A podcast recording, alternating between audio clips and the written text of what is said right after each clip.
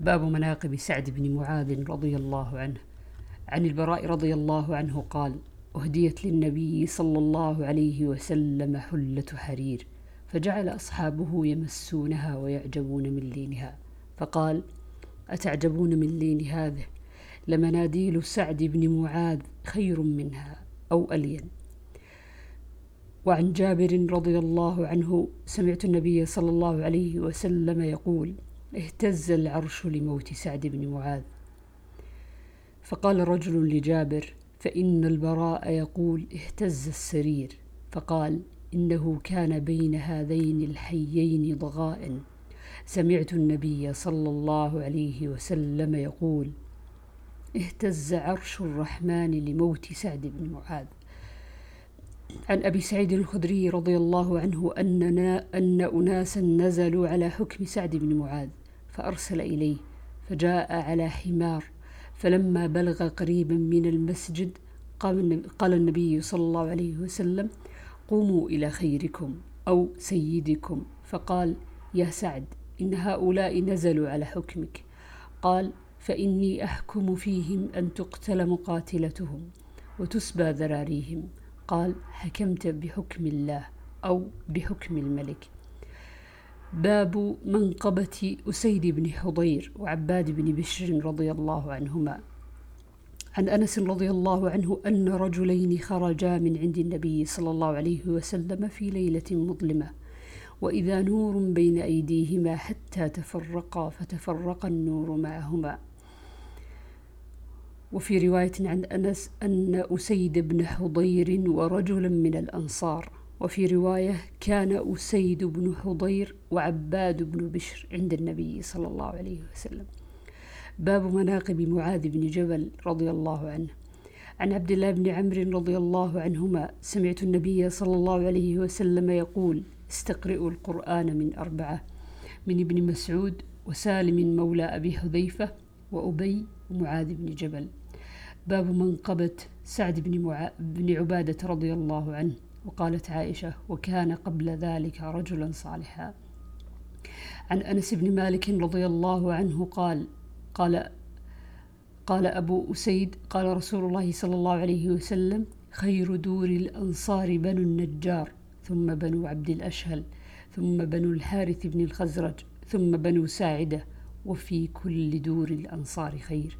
فقال سعد بن عبادة وكان ذا قدم في الإسلام أرى رسول الله صلى الله عليه وسلم قد فضل علينا. فقيل له قد فضلكم على ناس كثير. باب مناقب أبي بن كعب رضي الله عنه. عن مسروق قال ذكر عبد الله بن مسعود عند عبد الله بن عمرو فقال ذاك رجل لا أزال أحبه. سمعت النبي صلى الله عليه وسلم يقول خذوا القرآن من أربعة من عبد الله بن مسعود فبدأ به. وسالم مولى أبي حذيفة ومعاذ بن جبل وأبي بن كعب. عن أنس بن مالك رضي الله عنه قال قال النبي صلى الله عليه وسلم لأبي إن الله أمرني أن أقرأ عليك لم يكن الذين كفروا. قال وسماني؟ قال نعم. فبكى. باب مناقب زيد بن ثابت رضي الله عنه. عن أنس رضي الله عنه قال جمع القرآن على عهد النبي صلى الله عليه وسلم أربعة كلهم من الأنصار أبي ومعاذ بن جبل وأبو زيد وزيد بن ثابت. قلت لأنس من أبو زيد؟ قال أحد عمومتي. باب مناقب أبي طلحة رضي الله عنه. عن أنس رضي الله عنه قال لما كان يوم أحد انهزم الناس عن النبي صلى الله عليه وسلم وأبو طلحة بين يدي النبي صلى الله عليه وسلم مجوب به عليه بجحفة له. وكان أبو طلحة رجلا راميا شديد القد يكسر يومئذ قوسين أو ثلاثة. وكان الرجل يمر معه الجعبة من, الجعبة من النبل فيقول انشرها لأبي طلحة. فأشرف النبي صلى الله عليه وسلم ينظر إلى القوم فيقول أبو طلحة يا نبي الله بأبي أنت وأمي لا تشرف يصيبك سهم من سهام القوم نحري دون نحرك. اللهم ارضى عنها. ولقد رأيت عائشة بنت أبي بكر وأم سليم وإنهما لمشمرتان. أرى خدم سوقهما تنقزان القرب على متونهما تفرغانه في أفواه القوم. ثم ترجعان فتملأ فتملآنها ثم تجيئان فتفرغانه في أفواه القوم. ولقد وقع السيف من يدي أبي طلحة إما مرتين وإما ثلاثا باب مناقب عبد الله بن سلام رضي الله عنه. عن عامر بن سعد بن أبي وقاص عن أبيه قال ما سمعت النبي صلى الله عليه وسلم يقول لأحد يمشي على الأرض إنه من أهل الجنة؟ إلا لعبد الله بن سلام. قال وفيه نزلت هذه الآية وشهد شاهد من بني إسرائيل على مثله فآمن واستكبرتم إن الله لا يهدي القوم الظالمين. قال لا أدري قال مالك الآية أو في الحديث.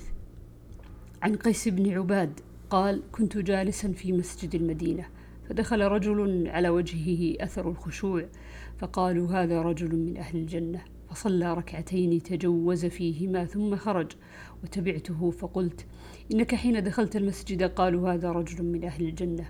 قال والله ما ينبغي لأحد أن يقول ما لا, ما لا يعلم وسأحدثك لم ذاك.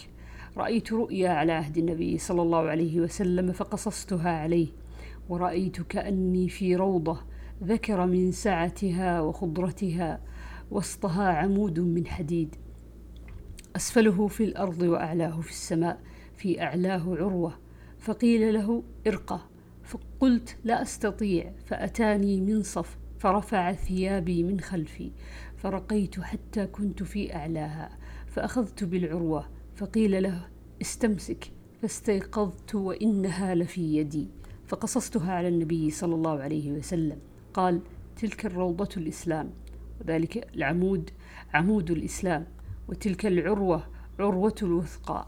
فأنت على الإسلام حتى تموت. وذاك الرجل عبد الله بن سلام. وفي رواية وصيف مكان منصف.